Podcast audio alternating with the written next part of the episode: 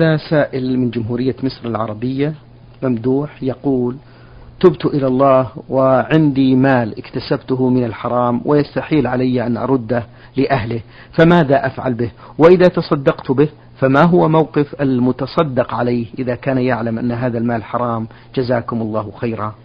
بسم الله الرحمن الرحيم الحمد لله رب العالمين صلى الله وسلم على نبينا محمد وعلى آله وأصحابه ومن تبعهم بإحسان إلى يوم الدين. هذا المال الذي اكتسبه من حرام إذا كان مأخوذا من صاحبه قهرا كالمسروق والمغصوب والمنهوب وما أشبه ذلك وهو يعلم صاحبه فلا بد أن يوصله إلى صاحبه بأي حال من الأحوال. مهما كانت النتيجة لأن هذا حق مسلم خاص معلوم معلوم صاحبه. فعليه أن يوصله إليه بأي وسيلة؟ إما عن طريق شخص موثوق وإما عن طريق البريد وإما بأي وسيلة لا بد من هذا. وأما إذا كان صاحبه غير مجهول غير معلوم بأن يكون هذا الرجل أخذ أموالا من أناس كثيرين لكن لا أدري من هم فحينئذ يتصدق به تخلصا منه عن أصحابه وهم عند الله تعالى معلومون. أما بالنسبة للمتصدق عليه فهو حلال له ولا حرج عليه فيه لأنه كصاحبه الذي تصدق به عليه لا يعلم مالكه فهو له حلال. هذا إذا كان أخذه بغير رضا صاحبه. أما إذا أخذه برضا صاحبه كما لو كانت معاملات ربوية أو ما أشبه ذلك من الأشياء التي تعقد بإذن صاحبها وهي حرام شرعا فإنه لا يردها على صاحبها ولكن يتصدق بها تخلصا منها ولا ينويها عن صاحبها أيضا بل ينوي التخلص فقط وهي حلال لمن تصدق بها عليه. نعم. أحسن الله إليكم الشيخ يقول هل يجوز أن أتصدق من هذا المال على أهلي؟ لا يجوز أن يتصدق به على أهله لأنه إذا تصدق به على أهله فكأنه ملكه. نعم. جزاكم الله خيرا. السائل محمد حسن آه، يقول في هذا السؤال يوجد في القرآن الكريم عدة مواضع للسجدة فهل في كل موضع من هذه المواضع يتم فيها السجود؟ وهل يكون السجود والقارئ على غير وضوء؟ نعم. السجدات التي في القرآن كلها موضع سجود يسجد فيها الإنسان إذا قرأها سواء كان في صلاة أم في غير صلاة إلا أنه لا يسجد إلا على وضوء. احتياطا. وسجود التلاوة ليس فرضا وإنما هو سنة. كما ثبت عن أمير المؤمنين عمر بن الخطاب رضي الله عنه أنه قرأ آية السجدة وهو يخطب الناس يوم الجمعة فنزل فسجد ثم قرأها في الجمعة الأخرى فلم يسجد ثم قال إن الله لم يفرض علينا السجود إلا أن نشاء. لكن لا ينبغي للإنسان تركها إذا كان على وضوء. نعم. أحسن الله إليكم. يقول السائل أحيانا عندما نصلي بعد الإمام يحدث شك في الصلاة. البعض من المصلين يقولون بأننا صلينا خمس ركعات والبعض يقولون بأننا صلينا أربع ركعات. فما قول الشرع في نظركم في هذه الحالة؟ إذا كان عند الإمام يقين أنه مصيب فيما صلى فلا عبرة بقول هؤلاء. يأخذ بما يرى. وأما إذا لم يكن عنده يقين فيأخذ بقول من يرى أنهم أرجح عنده لكونهم أشد اهتماما بالصلاة وأبعد عن الغفلة. وإذا تساوى الأمران عنده فليبني على اليقين وليأتي بما نقص ويسجد للسهو قبل السلام. وفيما إذا أخذ بالأرجح عنده يسجد للسهو بعد السلام. هذا سائل للبرنامج يقول أرجو الإجابة على سؤالي وهو هل تجوز الصلاة على المنتحر؟ وهل يجوز أن يكفن؟ وهل يجوز أيضا أن يدفن في مقابر المسلمين؟ وهل يعد مرتدا عن الإسلام؟ آه، المنتحر قاتل لنفسه والعياذ بالله سواء انتحر بآلة أو بنار أو أو بترد من شيء عال أو بغير ذلك. المهم أنه قاتل لنفسه. وقد ثبت عن النبي صلى الله عليه وسلم أن من قتل نفسه بشيء فإنه يعذب به في نار جهنم خالدا مخلدا فيها أبدا. نسأل الله العافية. ولكنه مع ذلك يصلى عليه لأنه مسلم.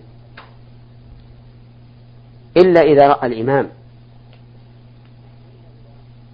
وهو ولي الأمر العام أو إمام المسجد الذي له قيمة في المجتمع أن لا يصلي عليه هو بنفسه نكالا لغيره فإنه لا بأس أن يدع الصلاة عليه ويقول صلوا عليه. ويدفن مع المسلمين لأنه مسلم. نعم. أحسن الله إليكم وبارك فيكم فضيلة الشيخ. هذا سائل يقول آه بالنسبة لقراءة القرآن بدون تجويد هل عليها أجر؟ كوني لا أعرف القراءة بالتجويد وهل إذا وضع المصحف في مسجد يعتبر صدقة جارية أم لا؟ نعم. القراءة بالتجويد ليست واجبة وإنما هي سنة لتحسين الصوت بالقرآن لأنه ينبغي للإنسان أن يحسن صوته بتلاوة كتاب الله. ومن التحسين التجويد. وأما كونه واجبا فلا. إذا كان الإنسان يقيم الحركات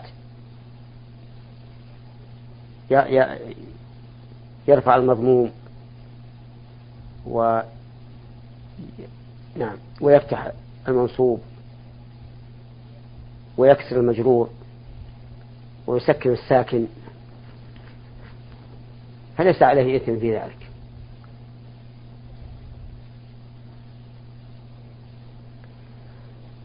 وأما وضع المصحف في المسجد فهو إن شاء الله تعالى من الخير.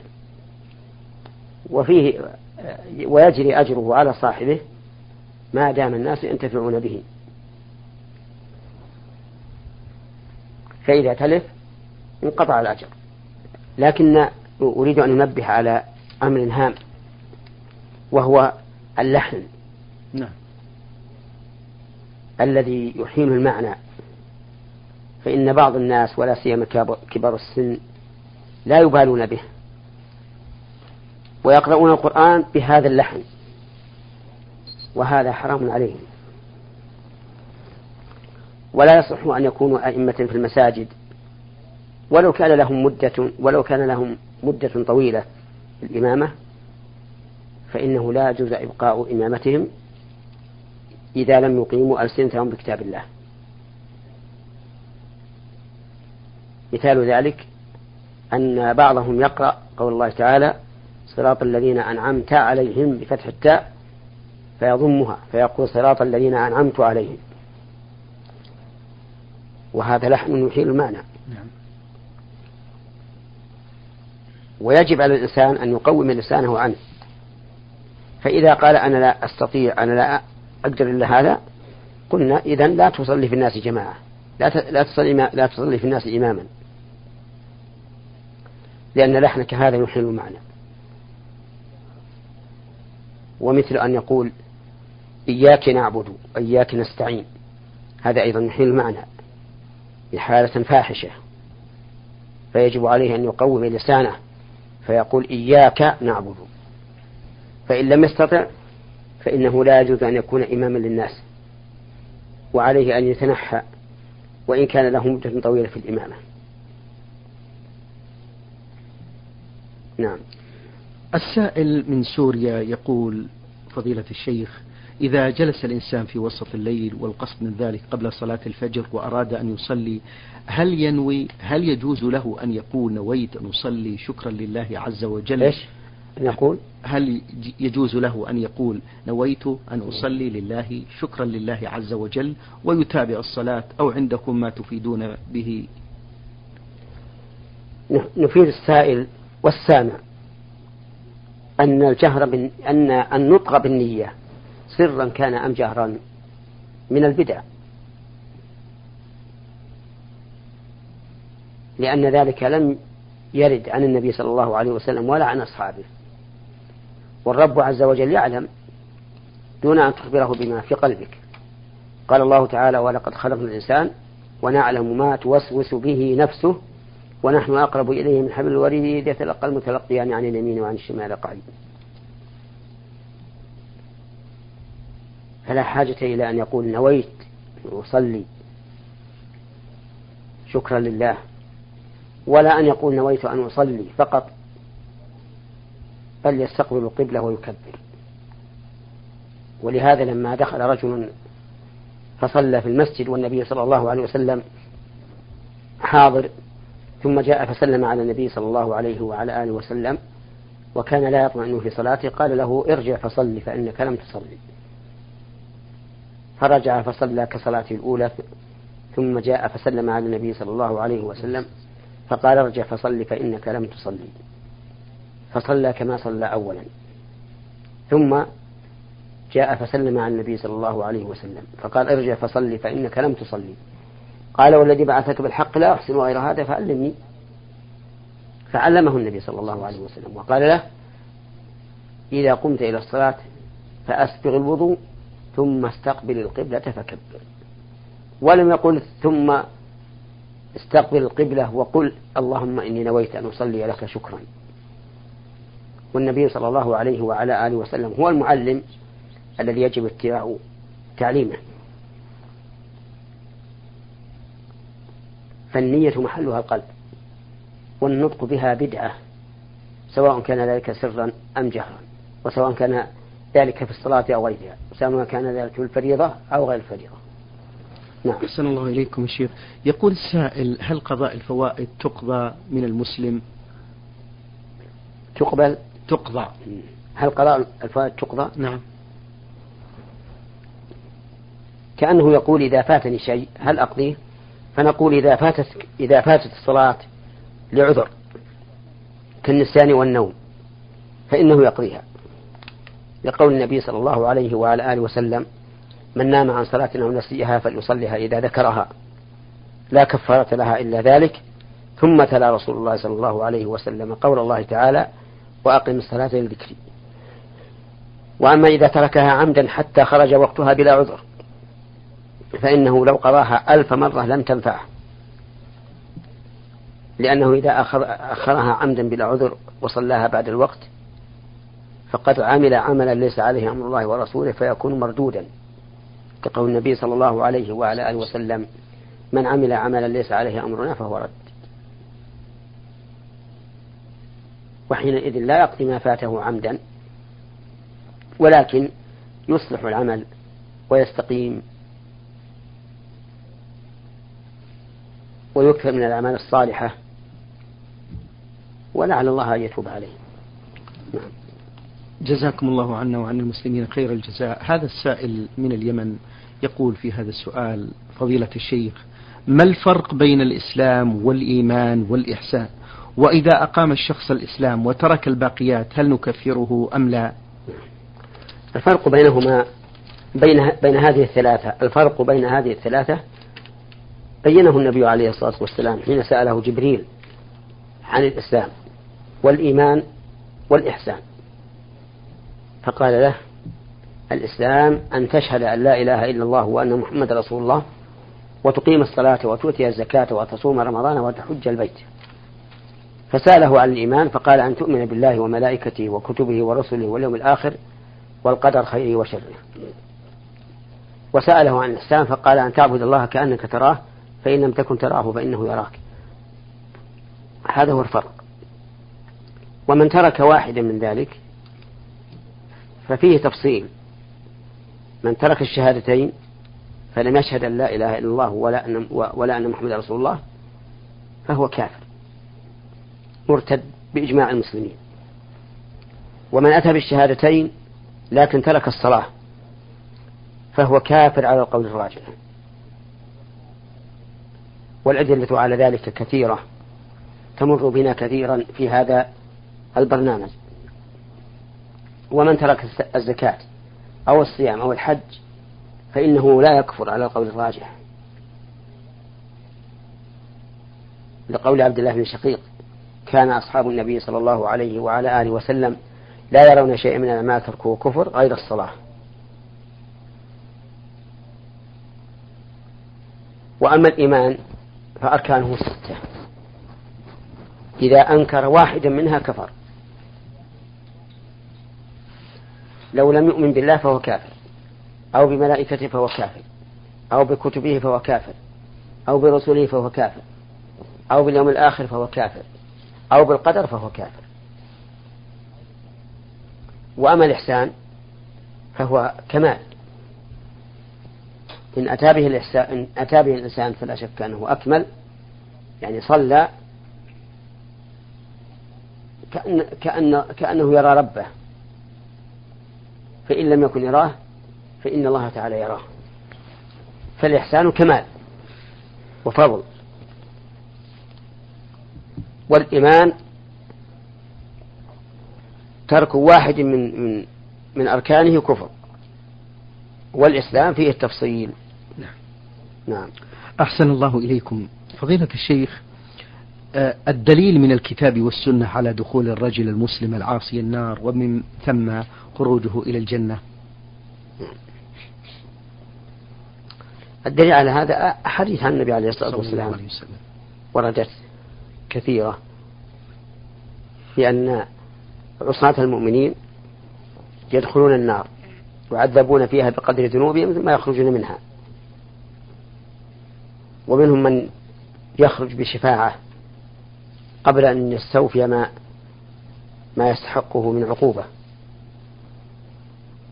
ومنهم من يغفر الله له بفضله ورحمته فلا يدخل النار. فعصاة المسلمين ثلاثة أقسام. نعم. قسم يغفر الله له ولا يدخل النار أصلا. وقسم آخر يدخل النار ويعذب بقدر ذنوبه ثم يخرج. وقسم ثالث يدخل النار ويعذب ولكن يكون له شفاعة فيخرج من النار قبل أن يستكمل ما يستحقه من العذاب. نعم. جزاكم الله عن عنا وعن المسلمين خير الجزاء. في سؤاله الأخير يقول هذا السائل هل كل شخص يفسر القرآن برأيه أم أنهم الراسخون في العلم فقط والدليل على ذلك مأجورين؟ نعم التفسير بالرأي لا يجوز. لا لأهل العلم ولا لغيرهم. ومن قال في القرآن برأيه فليتبوى مقعده من النار. ومعنى التفسير بالرأي أن الإنسان يحمل معاني كتاب الله عز وجل على ما يراه لا على ما تقتضيه دلالتها. وأما التفسير بمقتضى الدلالة فإن كان عند الإنسان قدرة على ذلك بحيث يكون عنده علم من اللغة العربية وعلم من أصول الفقه وقواعد الملة فلا بأس أن يفسر القرآن بما يقتضيه ذلك. وإن لم يكن عنده علم فإنه لا يجوز أن يفسره. لأن الأمر خطير. ومفسر القرآن مترجم عن الله سبحانه وتعالى. فليحذر أن يترجم كلام الله بما لا يريده الله. فإن الأمر شديد وعظيم. نعم. أحسن الله إليكم. فضيلة الشيخ بماذا توجهون المستمعين في من كتب التفسير في قراءتها يا شيخ؟ كتب التفسير في الواقع. طيب. كثيرة متشعبة. والعلماء رحمهم الله كل ينا كل يأخذ بجهة من جهات القرآن الكريم. فمنهم من يغلب عليه تفسير المعاني بقطع النظر عن الإعراب والبلاغة وما أشبه ذلك. نعم. ومنهم من يغلب عليه مسائل الإعراب والبلاغة وما أشبه ذلك. ومنهم من يغلب عليه استنباطات استنباطات من الآيات العلمية والعملية. فهم يختلفون. لكن من خير ما يكون من التفاسير فيما أعلم تفسير ابن كثير رحمه الله. فإنه تفسير جيد سلفي. لكن يؤخذ عليه أنه يسوق بعض الإسرائيليات في بعض الأحيان ولا يتعقبها. وهذا قليل عنده. ومن التفسير الجياد من التفاسير الجياد تفسير الشيخ عبد الرحمن بن ناصر بن سعدي رحمه الله فإنه تفسير سلفي سهل المأخذ ينتفع به حتى العام. ومن التفسير الجياد ومن تفسير ومن التفاسير الجياد تفسير القرطبي رحمه الله. ومنها تفسير محمد الأمين الشنقيطي الجكني. لا سيما في آخر القرآن الذي أدركه ومن التفسير الجياد في البلاغة والعربية تفسير الزمخشري لكن احذره في العقيدة. فإنه ليس بشيء. ومن التفاسير الجياد تفسير ابن جرير الطبري لكنه لا ينتفع به إلا الراقي في العلم. هناك تفاسير أخرى لا نعرفها إلا بالنقل عنها لكن الإنسان يجب عليه أنه إذا لم يفهم الآية من التفاسير أن يسأل عنها أهل العلم حتى لا يفسر القرآن بغير مراد الله تعالى به. أحسن الله إليكم وبارك فيكم فضيلة الشيخ. هذا السائل آه، إبراهيم أبو حامد يقول في هذا السؤال كيف كان هدي الرسول صلى الله عليه وسلم في زيارة المريض؟ كان عليه الصلاة والسلام يعود المرضى. ويؤنسهم. ويشرح صدورهم بزيارة بعيادته ويرقاهم أحيانا. وهكذا ينبغي للإنسان أن يعود إخوانه المرضى سواء كانوا في المستشفيات أو كانوا في بيوتهم. لما في ذلك من إدخال السرور عليهم وإدخال السرور على المريض نصف الدواء في الواقع. لأن نفسه تنبسط وصدره ينشرح وينسى الألم. لا سيما إذا كان العائد له ذو قيمة في المجتمع. فإنه فإن العيادة تتضاعف أجرها وينبغي لمن عاده أن يدخل السرور عليه وأن يقول له أنت اليوم خير من أمس. والإنسان خير من أمسه سواء كان في شفاء أو في زيادة مرض. إن كان في شفاء فهو صحة وعافية وإن كان في زيادة المرض فهو أجر وثواب. ويذكر مثلا التوبة لكن بصفة لا يشعر فيها المريض أنه يعني دنو أجله مثل أن يقول له أنت الآن والحمد لله وإن حبست عن الدنيا فقد تفرغت للعمل الصالح من قراءة القرآن والذكر والاستغفار وما, وما أشبه ذلك من الكلمات التي تفيده بدون أن يشعر بأنك ترى دنو أجله أحسن الله إليكم. كذلك أيضا ينبغي نعم. أن تسأله عن كيفية وضوءه نعم. وطهارته وكيفية صلاته لأن من الناس من يصلي خطأ مثال ذلك أن بعض الناس عاد مريضا في بلده نعم. في بلد المريض نعم. فسأله كيف صلاتك كيف طهارتك أخبره وقال أما الصلاة فلي خمسة عشر يوما أجمع وأقصر. وهو غير مسافر. فانظر كيف ظن أنه متى جاز الجمع جاز القصر. والأمر الأمر بالعكس. متى جاز القصر جاز الجمع ولا عكس. قد يجوز الجمع ولا يجوز القصر. فالجمع في البلد جائز إذا وجدت الأسباب والقصر غير جائز. كذلك بعض الناس مثلا يظن أن المريض إذا عجز عن الإماء برأسه صلى بأصبعه فنصب أصبعه حال القيام ثم حناه قليلا حال الركوع ثم حناه أكثر حال السجود.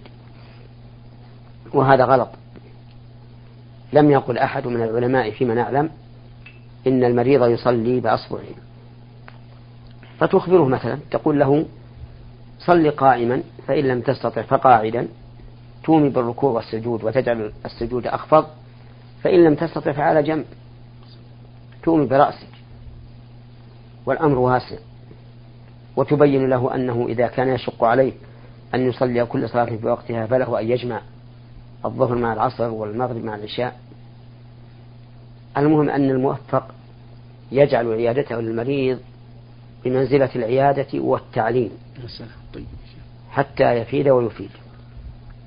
ومن ذلك أيضا أن يذكره الوصية فيقول يا فلان إن كان لك وصية بقضاء دين عليك أو آه، زكاة أو كفارة أو ما أشبه ذلك فيخبره بما يجب عليه في هذا. نعم. أحسن الله إليكم وبارك فيكم فضيلة الشيخ. آه، في سؤاله الثاني يقول هذا السائل إبراهيم أبو حامد ما هي فوائد الاستغفار الدينية والدنيوية؟ وهل هناك كتاب مؤلف في ذلك؟ فوائد الاستغفار أن الإنسان إذا استغفر ربه بصدق وإخلاص وحسن ظن بالله عز وجل فإن الله تعالى يغفره يغفر ذنبه. كما قال الله تبارك وتعالى قل يا عبادي الذين أسرفوا على أنفسهم لا تقنطوا من رحمة الله إن الله يغفر الذنوب جميعا إنه هو الغفور الرحيم. وإذا غفر, وإذا غفر الله له ذنبه واتقى الله سبحانه وتعالى كان من فوائد ذلك أن الله تعالى يجعل, يجعل له من أمره يسرا ويرزقه من حيث لا يحتسب. كما قال الله تبارك وتعالى ومن يتق الله يجعل له من أمره يسرا. وقال ومن يتق الله يجعل له مخرجا ويرزقه من حيث لا يحتسب. جزاكم الله عنا وعن المسلمين خيرا